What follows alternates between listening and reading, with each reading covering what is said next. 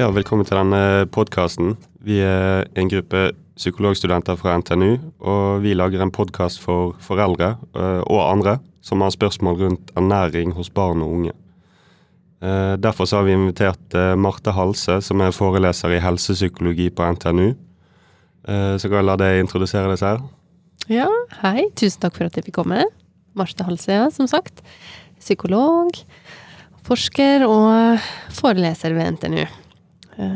Ja, så jeg har jobba um, siden 2015 med barn og unge med overvekt og fedme. Familiene deres på St. Olavs hospital. Ja. Det høres veldig bra ut, og fantastisk å ha deg her.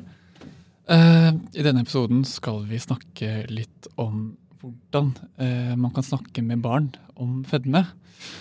Og først og fremst hvordan foreldre kan snakke med barn om fedme. Mm. Uh, og da uh, lurer vi uh, først og fremst på hvem er det som snakker med barn om, om, fedme? For vi har jo veldig ulike institusjoner. Vi har skole, lege, mm. helsestasjoner og foreldre. Hvem er, som, hvem er det som, primært snakker med barn om fedme? Ja, um, det er jo Noe av det den snakken er jo organisert, og noe er tilfeldig og vil variere.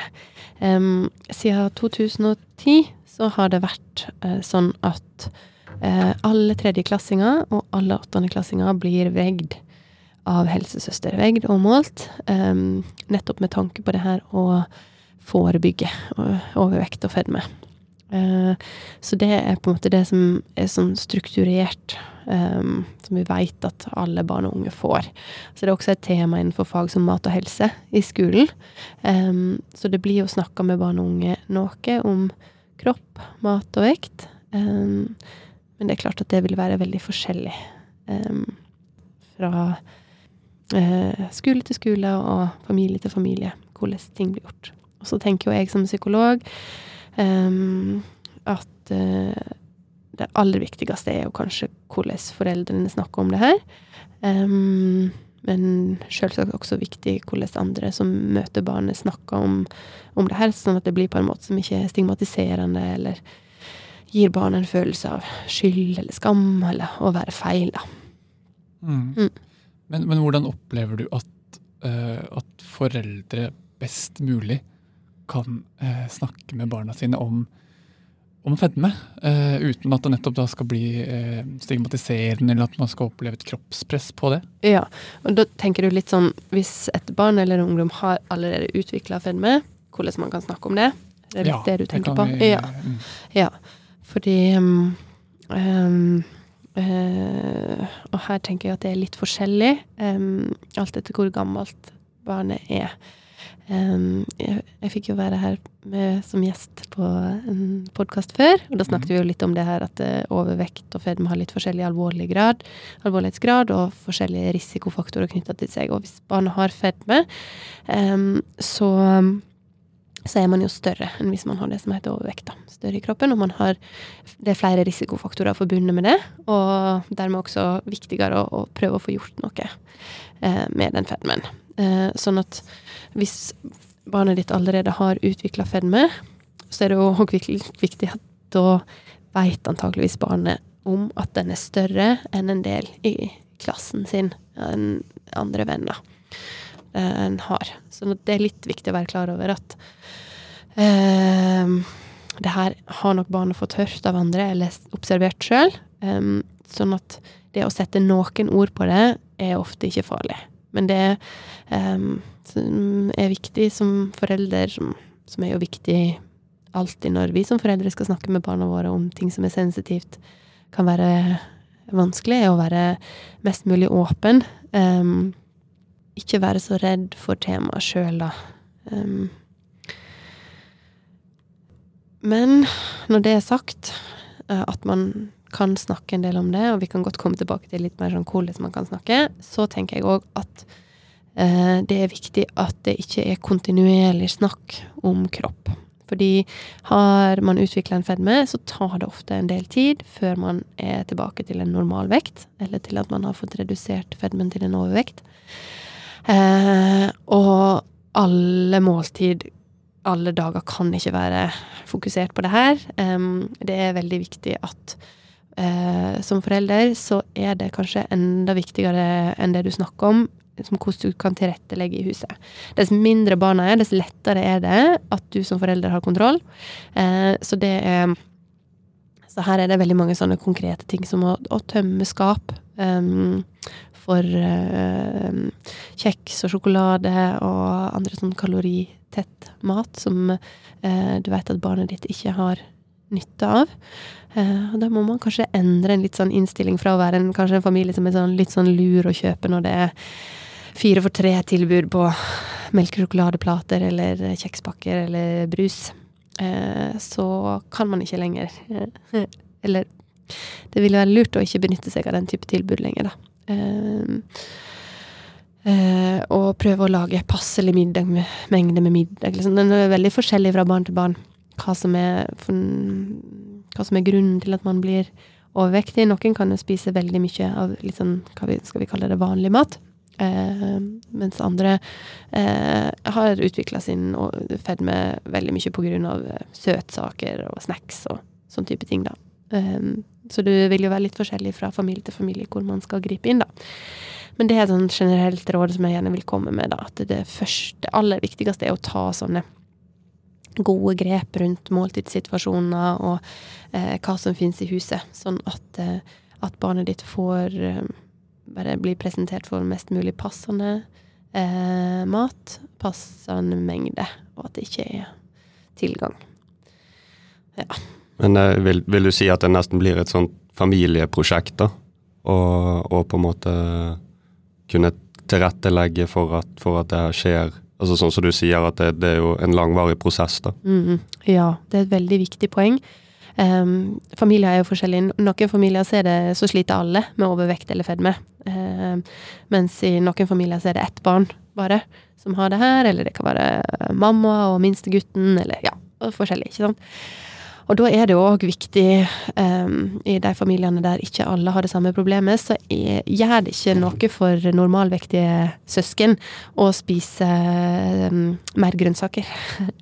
uh, uh, og det gjør ikke noe de barna har heller, selv om de ikke utvikler en overvekt eller fedme, så er det andre helsemessige ulemper av å, av å spise mye sjokoladekjeks.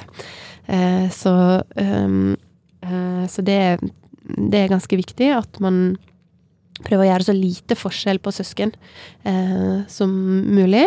Eh, og, og, at man spiser samme type mat til middag og, øh, og kvelds og frokost. Da. Sånn. Så, så, langt som det er mulig, da, i familiene. Sånn at det ikke blir snakk om at lille Per skal ha ja, bare får to pølser fordi mm. han er så stor. Um, ja, så minst mulig Eh, forskjell, da, tenker jeg. Eh, vi hadde et lite sånn oppfølgingsspørsmål, da, men det er med sånn, om, om, du vet om det er sånn noen av de hva de vanligste feilene foreldre gjør. da, Du har kanskje vært litt innpå det da, med, med på en måte å, å si, forskjellsbehandle og, og, den type ting, og se det som et veldig isolert problem. da. Ja, ja det, det, tenker jeg er en, en, viktig ting som foreldre bør prøve å unngå. Det er å um, ja, forskjellsbehandle, snakke Eh, særlig dess mindre barna er, dess mindre skal man legge ansvar over på dem. At det er foreldrene sitt ansvar. Um, uh, så man prøver å gi minst mulig um, skamfølelse til barna rundt det her å være stor. Så det er viktig å, å, å, prøve Det snakket vi en del om når jeg var her i den forrige podkastepisoden, at det er viktig å snakke, ikke snakke mye negativt om egen kropp.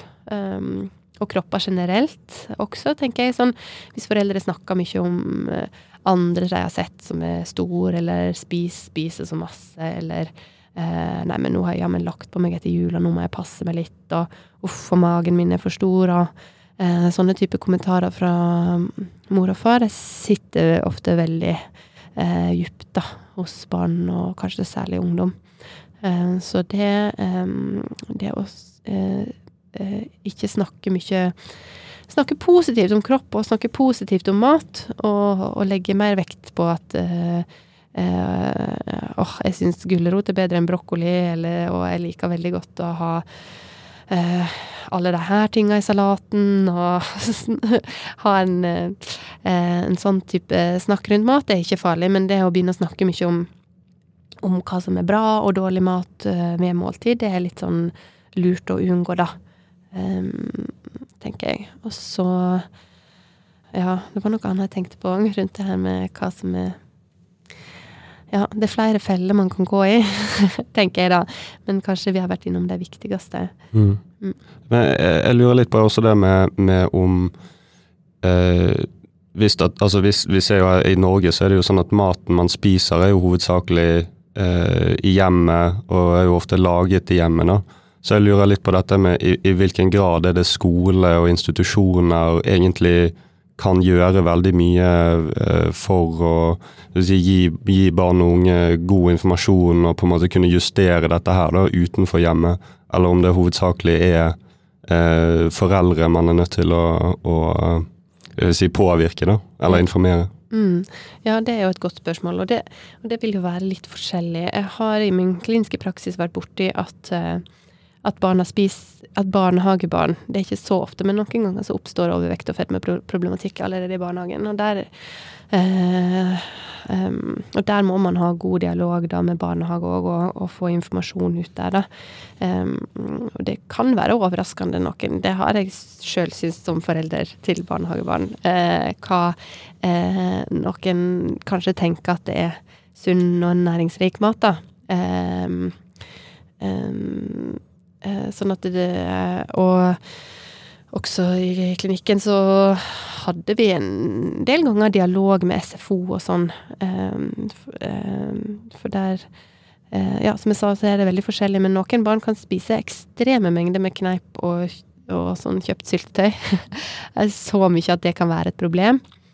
Um, og så Sånn at i noen grad så er det jo ting så er det jo matpraksis som skjer på skole og, um, og i barnehage.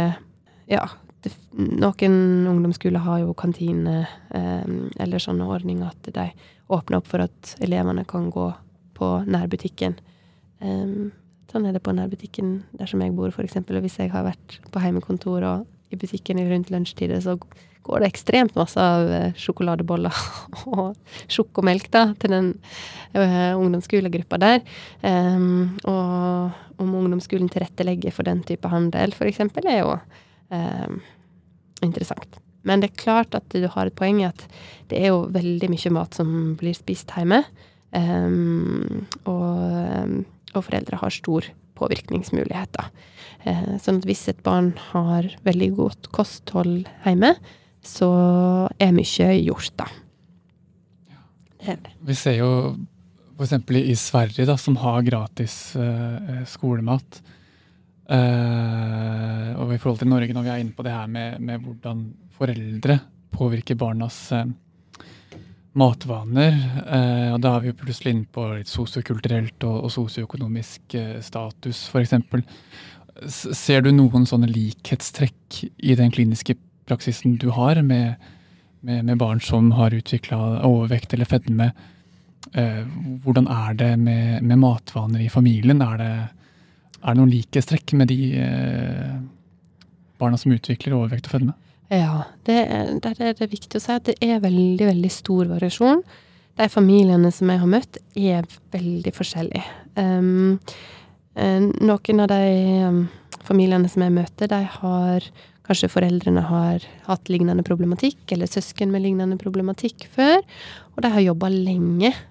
Og så har de barn som har veldig god appetitt på mat, veldig god evne til å finne, finne mat som blir gjemt bort, eller, eller, til å være veldig Alltid være på besøk hos naboen når det blir laga muffins der, eller liksom, liksom sånn at um, eh, matkulturen i de familiene som jeg har møtt, er veldig forskjellig. Noen har ikke kommet så langt, har kanskje ikke fått nok kunnskap enda, eller har foreldre som mm, som sliter sjøl med overvekt og fedme, har kommet inn i sine egne negative sirkler. Så for eksempel ei mor som jeg husker godt, som fortalte at hun liksom planlegger hver dag at å, i dag skal vi ha sånn og sånn fisk og brokkoli og sånn, en sånn sunn middag. Og så eh, er hun så utslitt på slutten av arbeidsdagen, og det eneste hun kan tenke på, er pasta med fløtesaus. Og så blir det liksom det til middag nesten hver eneste dag, fordi at hun har eh, sine egne eh, problemer rundt det her med mat og spising. Så det er kjempeforskjellig. Eh, fra familie til familie. Men sånn, det som forskninga viser på gruppebasis, er jo at det eh, at det henger litt sånn sammen med økonomien i familiene. Og det er lettere å ha et sunt kosthold når du har god råd. For da er det, er det jo enklere å, eh, å på en måte handle inn til god og sunn mat. Men samtidig så er det viktig å si at eh, sunn og næringsrik mat trenger ikke å koste veldig mye. Um, um, sånn som uh, laksefilet og brokkoli, for eksempel, som det sies da. Um, det blir ikke en så mye dyrere middag enn en Grandiosa. Sånn at det, uh, det er litt viktig at det ikke blir en, en hvilepute òg, da, uh, tenker jeg, for, um, for, oss som foreldre, hvis vi uh, At vi tenker at det, at det må gå med på grunn av økonomi, da. For det, det, går an å få til. Men det er ofte det, kan jo ofte bli litt kjedeligere mat. da. Så med bedre økonomi så er det lettere å lage sunn og, vel, og god og ikke så kjedelig mat. Um, det er det nok, da. Og så ja, er det jo òg det her med som økonomi kan jo henge sammen med litt sånn stress i hverdagen og sånn. Og dess mer stress, dess vanskeligere å planlegge gode, sunne middager og få gjennomført. Ja, Når vi er inne på det her med, med økonomi, eh, og vi snakka litt om skolemat i stad, det er jo kanskje litt aktuelt nå med regjeringsskiftet. Ja. Eh, tror du at det kunne funka bedre å jevne ut det skillet hvis skolen hadde tilbudt gratis mat? Ja, kjempeinteressant spørsmål. Jeg tenker at det har veldig mye å gjøre med hva slags type mat skolen tilbyr. Uh, ja. Um, det som det har vært snakk om i Norge nå i det siste, er jo et enkelt brødmåltid. Og, og da frykter jeg litt um, uh, det her uh, type kjøpebrød med, med, dårlige varianter av pålegg, da. Baconost og billig syltetøy. jeg gjør altså det. For det, det, er ikke så Der tenker jeg, da Der, der kan nok forskjellige mateksperter, kliniske ernæringsfysiologer, være litt sånn eh, litt uenig i, mm, i næringsverdier og, og, og, hva som er på en måte det viktigste risikofaktorene for at barn legger mye på seg. Men jeg tror at, eh, at ja, hvis det ikke blir satt av veldig mye penger, så kan det bli veldig enkle måltid som ikke nødvendigvis kan bidra til å utjevne forskjeller så mye. Mm. Fordi jeg mener at ei brødskive med kneippbrødskive med baconost ikke er så nyttig for barn. Ja, Der kan det være litt sånn kontroverser, men det, det har å gjøre litt sånn med, med, med, med hvordan man tenker om ernæring, da. Mm. Eh, jeg, lurte litt på om du kunne si, fortelle litt om eh, om du har erfaring fra, fra f.eks. klinisk praksis, da, i, i hvilken grad eh, du føler at familier, foreldre, er villige til å omstille seg, da, om, om det er, noe som er lett å overtale noen til å gjøre, noe som er lett til å, å, å gi hva skal si, eh, kilder til informasjon, denne typen ting. For det, jeg vil jo tro at det er et ganske omfattende arbeid å tilegne seg informasjon, tilegne seg gode vaner, som vi vet er jo veldig vanskelig. Eh, så jeg lurte på i hvilken grad er det du eh, synes at det fungerer da, å, skulle si til en familie at man er nødt til å omstille hele livsstilen sin. da. Ja. ja, der er det Det er òg veldig forskjellig fra familie til familie. Men det er klart at um, kostholdet vårt sitter veldig sånn djupt i kulturen. Um, uh, sånn at det å um, endre på ting uh, kan være Altså, det er for alle familier så er det her Så må det ofte store endringer til, som er, krever en del jobb for å få til. Uh, så det er kjempeviktig at det ikke er jeg som uh, fagpersonen som hjelper, som eh, skal overbevise familien om at det, det, her er viktig, det her må de ønske sjøl, for seg sjøl og sine barn. Um, og, og, så skal de få god hjelp, um, om de får det på sykehuset, eller om det er helsesøster og fastlege. Um, og, og, skole bør stille opp og, og sånn, men, men uh, familiene, foreldrene, må eh, ønske det her sjøl, og, eh, og da er det ofte Hvis de gjør det, så eh, så, så, kan gå, så, kan det gå, veien, men det krever alltid arbeid. Fordi um, det er jo ofte en grunn til at man har havna der man er. Og, og og barna som sliter med det her, har lyst på mer mat enn det de kan få hvis man skal få fedmen til å gå over. Eh, man, man, må venne deg til å spise mer grønnsaker. Eh, og ha en annen måltidsrytme ofte enn det de er vant til. Og eh, mindre inntak av ting som, som, de vil ønske seg. Da. Sånn at eh, som enhver foreldreoppgave, om det er at du skal, når du skal lære ungene å slutte med bleie, eller når du skal eh, lære deg å ta ut av oppvaskmaskinen eller rydde rommet sitt sjøl, eller sånn, så er det Det er jo krevende, og det her er litt sånn altomfattende, for det er flere måltider om dagen som skal endres, da. Sånn at det er Det her er endringer, og det krever innsats, og eh, Og litt sånn, eh, ja Der det er to foreldre, så er det viktig at man er ganske samkjørt. Og, um, så det er, et, det er, et, løft, da. Det er et løft for familien. En, en stor innsats, og det er uh, veldig flott å se når det går. Uh, ja, det er veldig imponerende. Ja. Uh, en, en, ting er jo på en måte de rådene og den veiledningen man kan få klinisk hos behandlere. det andre er jo hva man kan gjøre i hverdagen, og hvor man kan få informasjon. Mm. Uh, en grunn til at vi lager podkasten, er fordi vi syns kanskje at det fins veldig mye forskjellig, eller veldig lite konkret informasjon om hvordan mm. foreldre kan uh, kan uh, ja, hjelpe barn med både å snakke om det her og, mm. og nettopp å gjøre noe med det. Mm.